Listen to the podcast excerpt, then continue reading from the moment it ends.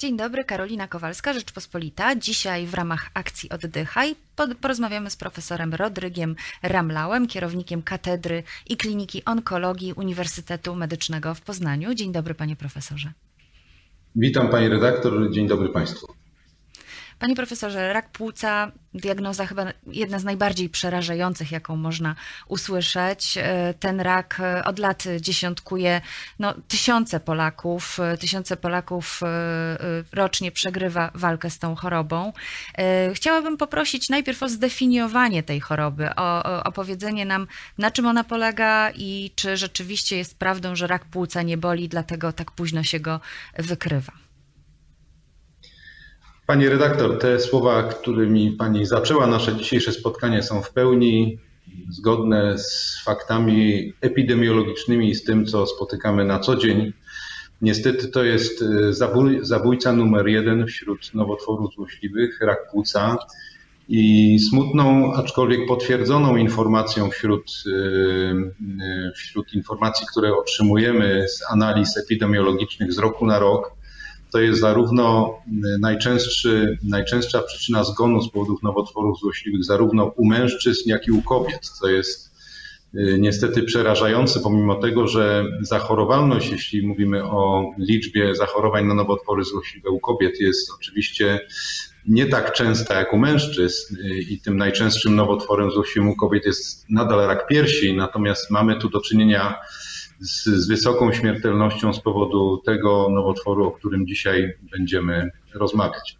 Pani redaktor, szanowni państwo, to jest jednostka chorobowa, która od wielu lat yy, no, spędza sens powiek i onkologom, i lekarzom wielu dziedzin zajmujących się tym procesem chorobowym, bo musimy pamiętać, że Y, tutaj wielki wkład y, środowiska pulmonologicznego na etapie diagnostyki procesu nowotworowego w obrębie płuca.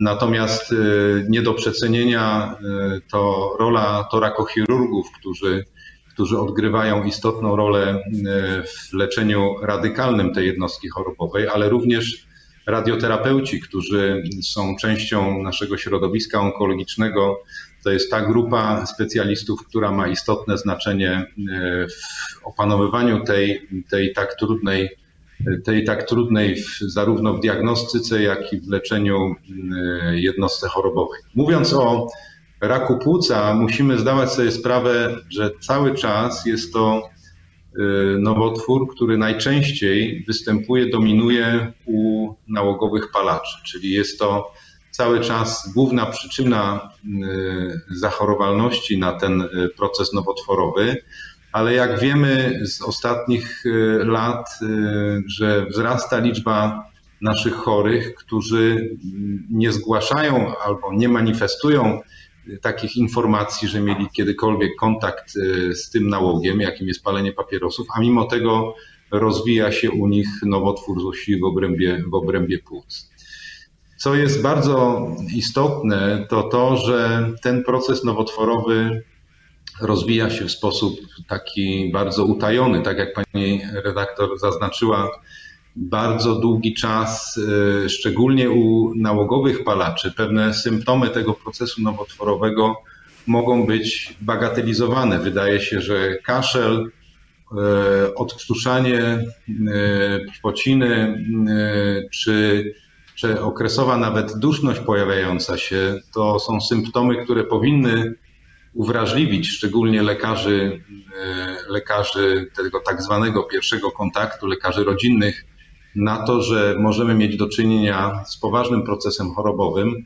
Niestety często jest to bagatelizowane, zrzucane na karp, na karp tego nałogu, jakim jest palenie papierosów. Czyli tu jest jakby pierwszy element, który który związany jest z tym, że mamy do czynienia z procesem nowotworowym, który w większości niestety cały czas przypadków jest rozpoznawany w stadium znaczącego zaawansowania, co uniemożliwia leczenie radykalne. I dlatego w odniesieniu do raka płuca mamy sytuację, w której niecałe 20% chorych z rozpoznanym tak zwanym niedrobnokomórkowym rakiem płuca może być poddanych leczeniu o charakterze radykalnym. Mówię tu przede wszystkim o torakochirurgii, o której wspominałem, dlatego że to jest cały czas jedyna metoda leczenia, e, e, leczenia zarówno chirurgicznego, jak i w połączeniu onkologicznego, która daje szansę na całkowite wyleczenie e, pacjenta z rozpoznanym rakiem płuca. I to jest jakby ten ten dylemat, z którym się borykamy. Cały czas staramy się podnieść wczesną wykrywalność tego procesu nowotworowego, aby móc zaproponować tym chorym leczenie o charakterze radykalnym, co nie jest, co nie jest proste. Natomiast tak? Tak, panie profesorze, Bardzo proszę, o raku płuca często myślimy jako o jednej chorobie. Tymczasem, kiedy już, no niestety, zaczynamy mieć z nią więcej do czynienia, okazuje się, że ten rak może być drobnokomórkowy, że może być to guzlity. Te, te, cała choroba ma chyba bardzo y, dużo rozgałęzień i, i, i dużo klasyfikacji. Czy, czy możemy o tym raku myśleć jako o jednej chorobie? Myślę, że główny podział on obowiązuje od wielu lat i tak naprawdę do dnia dzisiejszego się nie zmienił. E, dzielimy przede wszystkim e, raka płuca na te dwa podtypy histologiczne, to znaczy takie bardziej w odniesieniu do kliniki i histologii. To jest rak ten tak zwany niedrobnokomórkowy, w skład którego wchodzą te dwa najczęstsze nowotwory złośliwe, to jest rak o utkaniu gruczołowym i rak o utkaniu płaskonabłąkowym.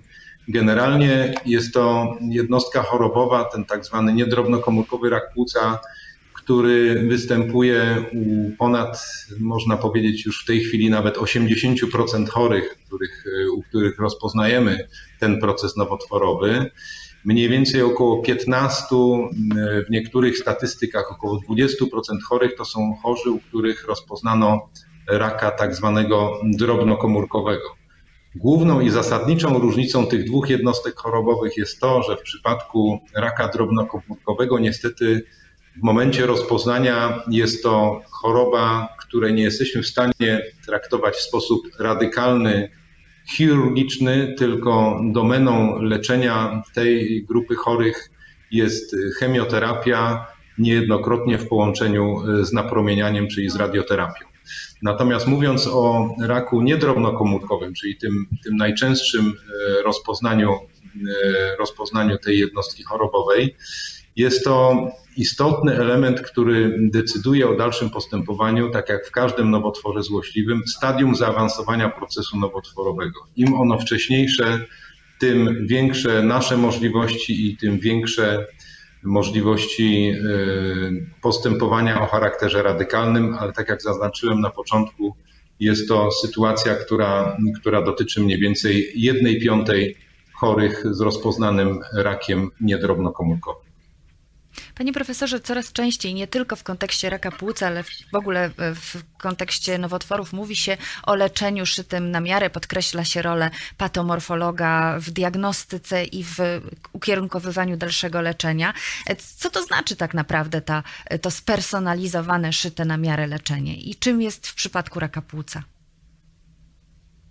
W odniesieniu do raka płuca, te sformułowania, których pani redaktor użyła, pojawiły się stosunkowo niedawno, bo to jest tak naprawdę nie więcej niż 10 lat temu.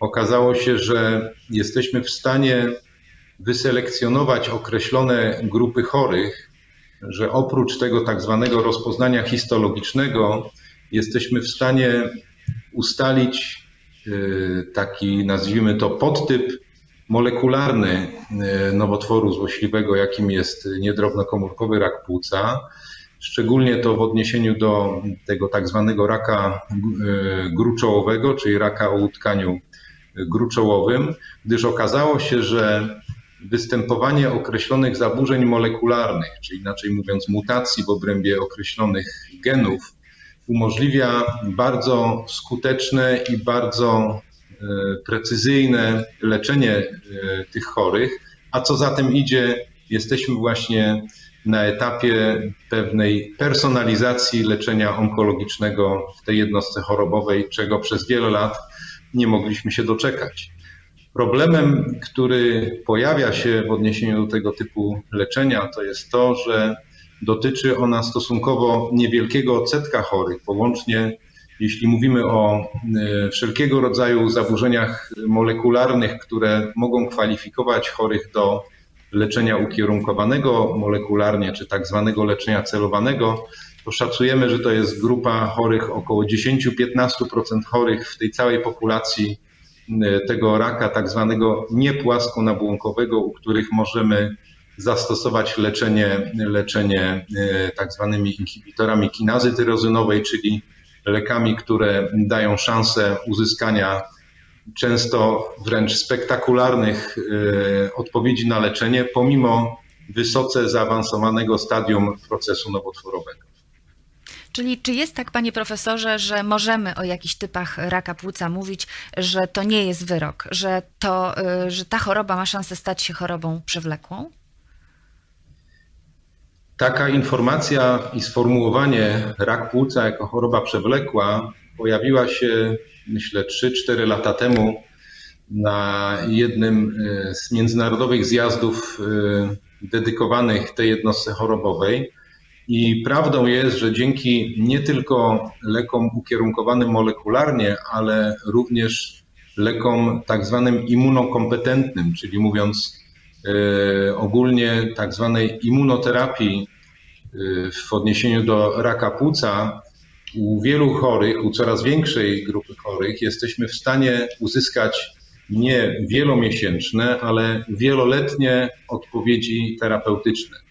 To znaczy, że nie tyle jesteśmy w stanie wyleczyć tego pacjenta z tej zaawansowanej choroby nowotworowej, ale jesteśmy w stanie doprowadzić, że ten proces faktycznie jest procesem o charakterze przewlekłym, czyli nie jest to wyrok, który jeszcze w erze tej tylko i wyłącznie chemioterapii, czyli stosowania wyłącznie cytostatyków, był dla, dla tej rzeszy chorych, bo musimy zdawać sobie sprawę, że rocznie w Polsce rozpoznajemy ponad 20 tysięcy nowych zachorowań tylko i wyłącznie na raka płuca, to w tej chwili ci chorzy, którzy otrzymywali tylko i wyłącznie chemioterapię, faktycznie był to swoistego rodzaju, pewnego rodzaju wyrok, gdyż wiedzieliśmy, że jeśli uda się uzyskać odpowiedź terapeutyczną trwającą kilkanaście miesięcy, to już był wielki sukces, z którego wszyscy, a przede wszystkim chory, miał wielkie zadowolenie. W tej chwili walczymy o to, żeby u jak największej rzeszy chorych uzyskać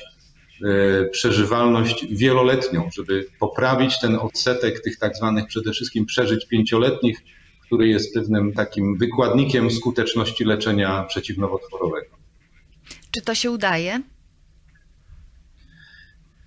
Y, niestety nie zawsze i to myślę cały czas jesteśmy na polu walki o to, żeby poszerzać ten nasz wachlarz możliwości y, walki z, y, z rakiem płuca.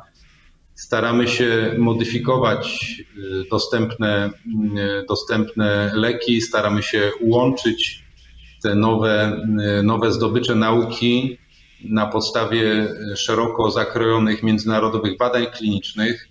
Postęp jest każdego niemalże roku, natomiast no, wymaga to czasu i wielkiego zaangażowania.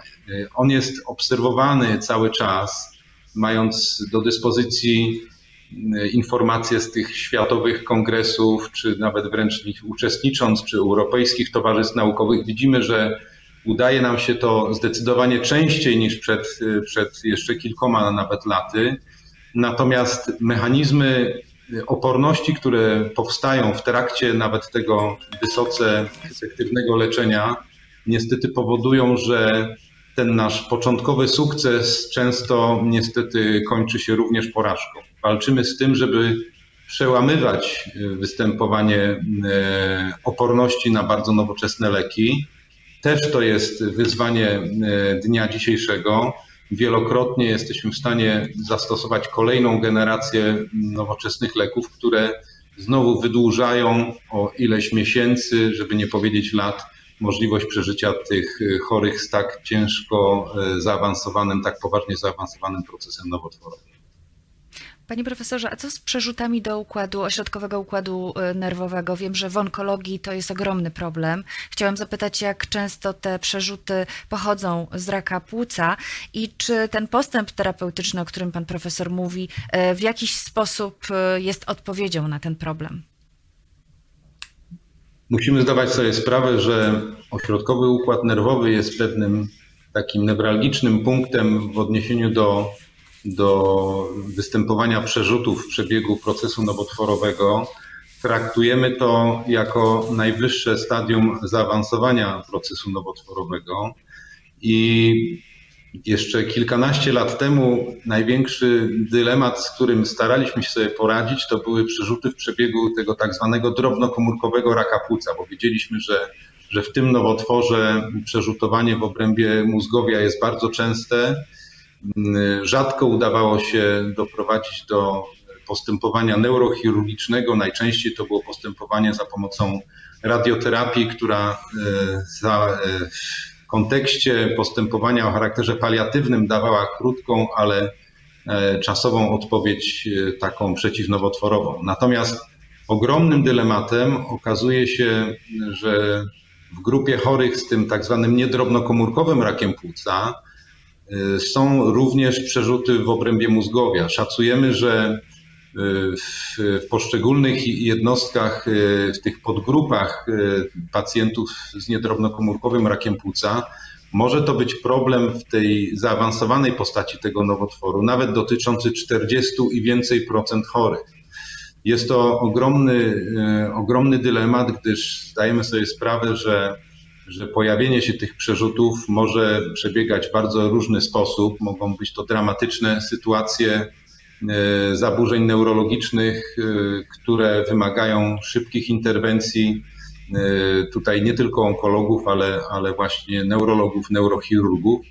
Natomiast dylemat, który, który teraz pojawił się w tych ostatnich latach, to pojawienie się zmian o charakterze przerzutów odległych w trakcie leczenia ukierunkowanego molekularnie. I to jest jakby problem też znaczącej liczby chorych, bo niemalże u połowy chorych w określonych zaburzeniach molekularnych pojawiają się przerzuty właśnie w mózgowiu w trakcie leczenia ukierunkowanego molekularnie. I jest to związane niestety z tym, że istnieje tak zwana bariera krew-mózg, która upośledza penetrację zarówno tych starych, jak i nowoczesnych leków przeciwnowotworowych do, do tkanki mózgowej, a co za tym idzie, utrudnia efektywne leczenie, leczenie przeciwnowotworowe. Na szczęście pojawiły się stosunkowo niedawno leki przełamujące ten, e, tę barierę w sposób na tyle wystarczający, że u, u, części chorych dochodzi, tak jak już też wspominałem, do takich spektakularnych odpowiedzi w postaci ustąpienia zmian o charakterze przerzutowym w obrębie mózgowia do tego stopnia, że niektórzy z nas u chorych z tak zwanymi bezobjawowymi przerzutami do ośrodkowego układu nerwowego decydują się na, na leczenie ukierunkowane e, molekularnie zamiast standardowej, tradycyjnej radioterapii na, na mózgowie. Oczywiście zdajemy sobie sprawę, że Radioterapia jest w tej chwili wysoce profesjonalna i ma do dyspozycji wiele metod, którymi może tych pacjentów zabezpieczyć, ale zostawiamy sobie niejednokrotnie tego typu postępowanie na następny etap e, rozwoju tej choroby, mając do dyspozycji leki, które są w stanie penetrować, e, penetrować ośrodkowy układ nerwowy. Panie profesorze, mówimy o dostępie y, terapii celowanych, a y, podstawą, żeby je zastosować, jest diagnostyka, diagnostyka patomorfologiczna, y, bardzo zaawansowana. I chciałam zapytać, czy mm, polscy pacjenci mają do niej dostęp zawsze, czy to jest taki dostęp w ramach świadczeń gwarantowanych? Myślę, że tu problem y, nie tylko dotyczy diagnostyki patomorfologicznej, ale szeroko rozumianej analizy y, genetycznej, gdyż tak jak wspominałem, myślę, że na dzień dzisiejszy to już jest taki moment, że y, nasze informacje, które powinniśmy uzyskać w trakcie procesu diagnostycznego na temat chorych na raka płuca, to nie tylko i wyłącznie rozpoznanie histologiczne, że wiemy, że mamy do czynienia z rakiem, wiemy, że mamy do czynienia z rakiem niedrobnokomórkowym musimy mieć pełną wiedzę na temat jego profilu genetycznego konkretnego guza. I to jakby napotyka na, na wiele, wiele problemów z tego wynikających. Są elementy, które są w ramach tych świadczeń gwarantowanych już wykonywane, natomiast y, no, czas biegnie bardzo szybko do przodu i ta medycyna, medycyna onkolo, onkologiczna czy onkologia w ogóle w obrębie raka płuca rozwija się bardzo szybko i dynamicznie. I informacje, które chcielibyśmy zbierać w odniesieniu do, do tych naszych pacjentów, no, nie na, te, te nasze zapotrzebowanie nie nadąża za tym, co, znaczy e, te nasze możliwości nie nadążają za tym, co chcielibyśmy e, mimo wszystko uzyskać. Dlatego tym najbardziej nowoczesnym i bardzo takim wysublimowanym sposobem oceny szerokiego panelu zaburzeń genetycznych jest tak zwane sekwencjonowanie nowej generacji, tak zwane NGS, który y, daje nam odpowiedź bardzo szczegółową, dotyczącą niemalże kilkuset zaburzeń genetycznych w obrębie danej tkanki, tkanki nowotworowej. Ten, y, ten sposób postępowania jest cały czas bardzo, y, bardzo wąsko dostępny w, w odniesieniu do, do polskich pacjentów. Stosowany jest tak naprawdę wyłącznie w, w ośrodkach uniwersyteckich więc myślę, że dużo przed nami do zrobienia, abyśmy mogli już na etapie tej wstępnej diagnostyki posiąść wiedzę, która skróci przede wszystkim etap, etap y, diagnozowania naszych chorych pod kątem możliwości leczenia, szczególnie tego spersonalizowanego, dlatego że o wiele łatwiej, łatwiej byłoby nam znać możliwości naszego postępowania w odniesieniu do każdego chorego na początku tej drogi terapeutycznej, a nie poszukiwać tych możliwości już, że tak powiem, w trakcie leczenia, znowu analizując tę samą tkankę archiwalną w odniesieniu do zaburzeń molekularnych, które nie zostały oznaczone czy nie zostały zdefiniowane na początku y, procesu diagnostycznego. To na pewno skróciłoby w znaczący sposób drogę do E, do, do e, rozpoczęcia tak bardzo nowoczesnego i poszukiwanego przez naszych chorych niejednokrotnie leczenia spersonalizowanego. Panie profesorze, czy chory, który mm, być może nie uzyskuje takiej diagnostyki od razu, czy może sam ją przeprowadzić, czy może sam powiedzieć, ja bym chciał tutaj zapłacić na przykład za takie nowoczesne e, badanie genetyczne?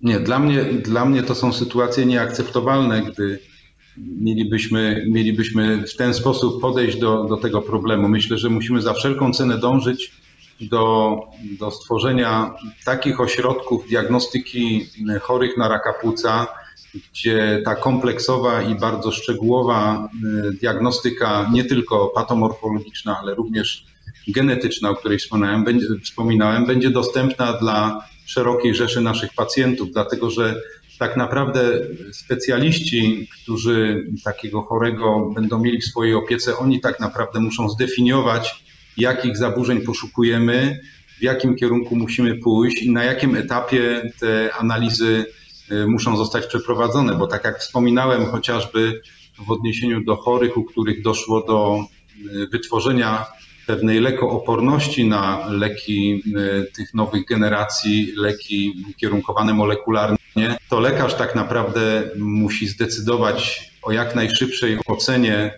występowania e, określonych zaburzeń w postaci właśnie e, poszukiwania genów oporności, które dają jakby szansę dostępu do kolejnych linii leczenia przeciwnowotworowego. Czyli nie wyobrażam sobie i nie chciałbym, żeby tak to zostało odebrane, żeby pacjent miał decydować o tym, co należy co należy przeprowadzić i jakie analizy należy wykonać. Myślę, że w tym jest nasza przede wszystkim rola, abyśmy, abyśmy kierowali się naszą wiedzą, którą staramy się zdobywać niemalże każdego dnia, żeby te badania, które będą prowadzone, były zgodne z obowiązującym standardem leczenia, to z jednej strony, a z drugiej strony z obowiązującymi zasadami, zasadami postępowania przeciwnowotworowego. My niejednokrotnie staramy się wy, wyprzedać to, co mamy zagwarantowane przez Narodowy Fundusz Zdrowia, starając się szukać pewnych, pewnych możliwości dostępu do leków, które jeszcze nie są refundowane, a zostały już zarejestrowane w Unii Europejskiej, licząc na to, że, że w niedalekiej przyszłości te leki również będą dostępne dla polskich chorych. Panie profesorze, zadałam to pytanie, bo powiedział Pan, że dostęp do takiej diagnostyki jest y, możliwy głównie w ośrodkach akademickich i zastanawiam się, co radzić pacjentom, co radzić może lekarzom, którzy nie pracują w tych ośrodkach. Czy dzisiaj polski chory, mm, mierząc się z diagnozą, z podejrzeniem raka płuca, powinien szukać pomocy w ośrodkach akademickich, w centrach onkologii może?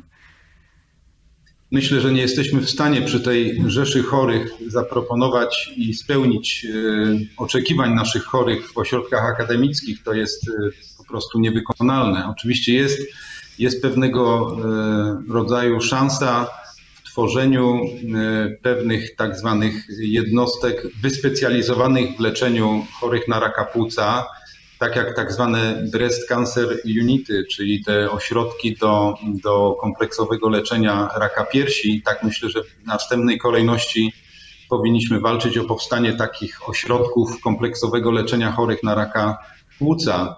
W Polsce jest to y, problem bardzo złożony. Pamiętajmy właśnie o tym, co powiedziałem na początku, że że mamy sytuację, gdzie chorym na raka płuca zajmują się nie tylko onkolodzy, ale również szerokim, w szerokim zakresie pulmonolodzy, na których spada często ten główny ciężar diagnostyki wstępnej chorych e, z podejrzanym procesem w obrębie układu oddechowego. I myślę, że e, na dzień dzisiejszy znacząca liczba ośrodków dysponuje możliwością wykonania tych podstawowych analiz molekularnych ja mówiłem o, o tych już takich bardzo wysoko wysublimowanych i bardzo nowoczesnych metodach diagnostyki genetycznej, która nie zawsze wydaje się być konieczna na tym etapie, na którym się znajdujemy. To jest pewnego rodzaju przyszłość, do której myślę będziemy dążyć, żeby tym chorym stworzyć możliwość tak głębokiej analizy genetycznej. W tej chwili najważniejsze jest to, żeby chory z podejrzeniem procesu nowotworowego nie błąkał się po e, e, różnych ośrodkach, które będą zastanawiały się, czy podjąć diagnostykę, e, podjąć diagnostykę onkologiczną, czy nie. Dużym ułatwieniem dla naszych chorych, i to cały czas podkreślamy, jest pomimo swoich pewnych wad, ale dużo posiada zalet, tak zwana karta szybkiego, szybkiej diagnostyki onkologicznej, tak zwana karta DILO.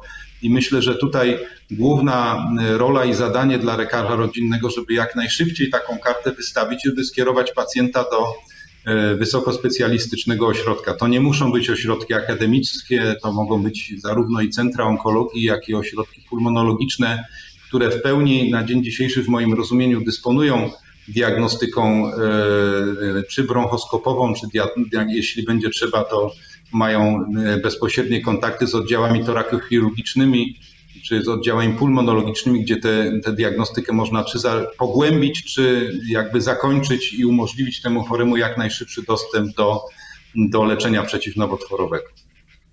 Panie profesorze, mówi Pan o błyskawicznym rozwoju onkologii w dziedzinie raka płuca.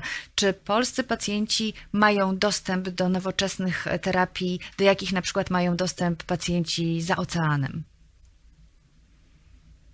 Myślę, że na szczęście e, mniej więcej mając teraz rok 2020, to rok 2018 to był taki przełomowy rok dostępie e, polskich pacjentów do nowoczesnych terapii przeciwnowotworowych u chorych, u których rozpoznano raka płuca.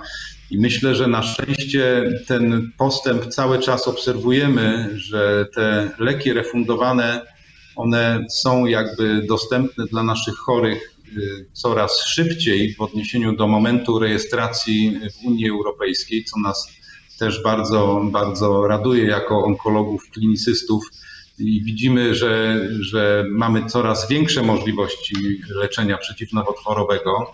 Problem, który jest jednym z takich istotnych y, elementów w odniesieniu mimo wszystko do leczenia tak zwanej choroby miejscowo zaawansowanej, bo też tu chciałem do tego nawiązać, mówiąc o takim kompleksowym leczeniu nowotworów, mamy zdecydowanie za mało ośrodków, które dysponują wszelkimi metodami leczenia przeciwnowotworowego i to w odniesieniu do różnych nowotworów, nie tylko raka płuca.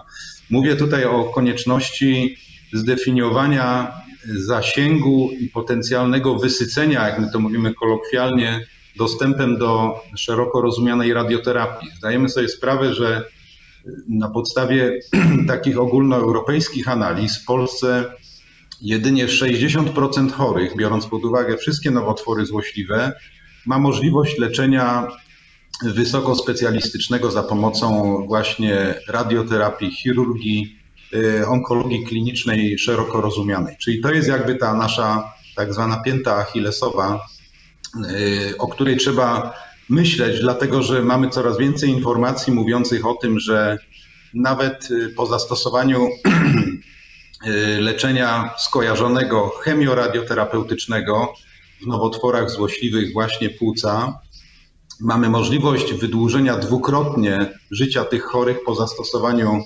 przeciwciał monoklonalnych y, z grupy leków immunologicznych, który wydłuża życie tych chorych. Natomiast warunkiem tego jest stosowanie na etapie początkowym chemioradioterapii jednoczasowej, czyli w tym samym czasie. To są takie przełomowe badania kliniczne, które doprowadziły do rejestracji nowoczesnych leków tych immunologicznych Natomiast w Polsce jest niestety margines chorych, którzy mają dostęp do tego typu postępowania przeciwnowotworowego.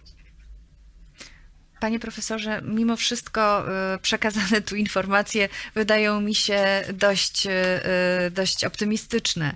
Jesteśmy dalej niż byliśmy w 2018. Mamy nadzieję, że dostęp zarówno do tych nowoczesnych terapii, jak i przede wszystkim do tej zaawansowanej diagnostyki będzie się poprawiał. Ja bardzo serdecznie dziękuję panu profesorowi, kierownikowi Katedry Onkologii Uniwersytetu Medycznego w Poznaniu. No i obyśmy byli za rok, dwa lata dużo e, wyżej niż jesteśmy dzisiaj w leczeniu raka płuca. Bardzo Pani redaktor, dziękuję. Dziękuję Państwu za uwagę i do usłyszenia. Do usłyszenia.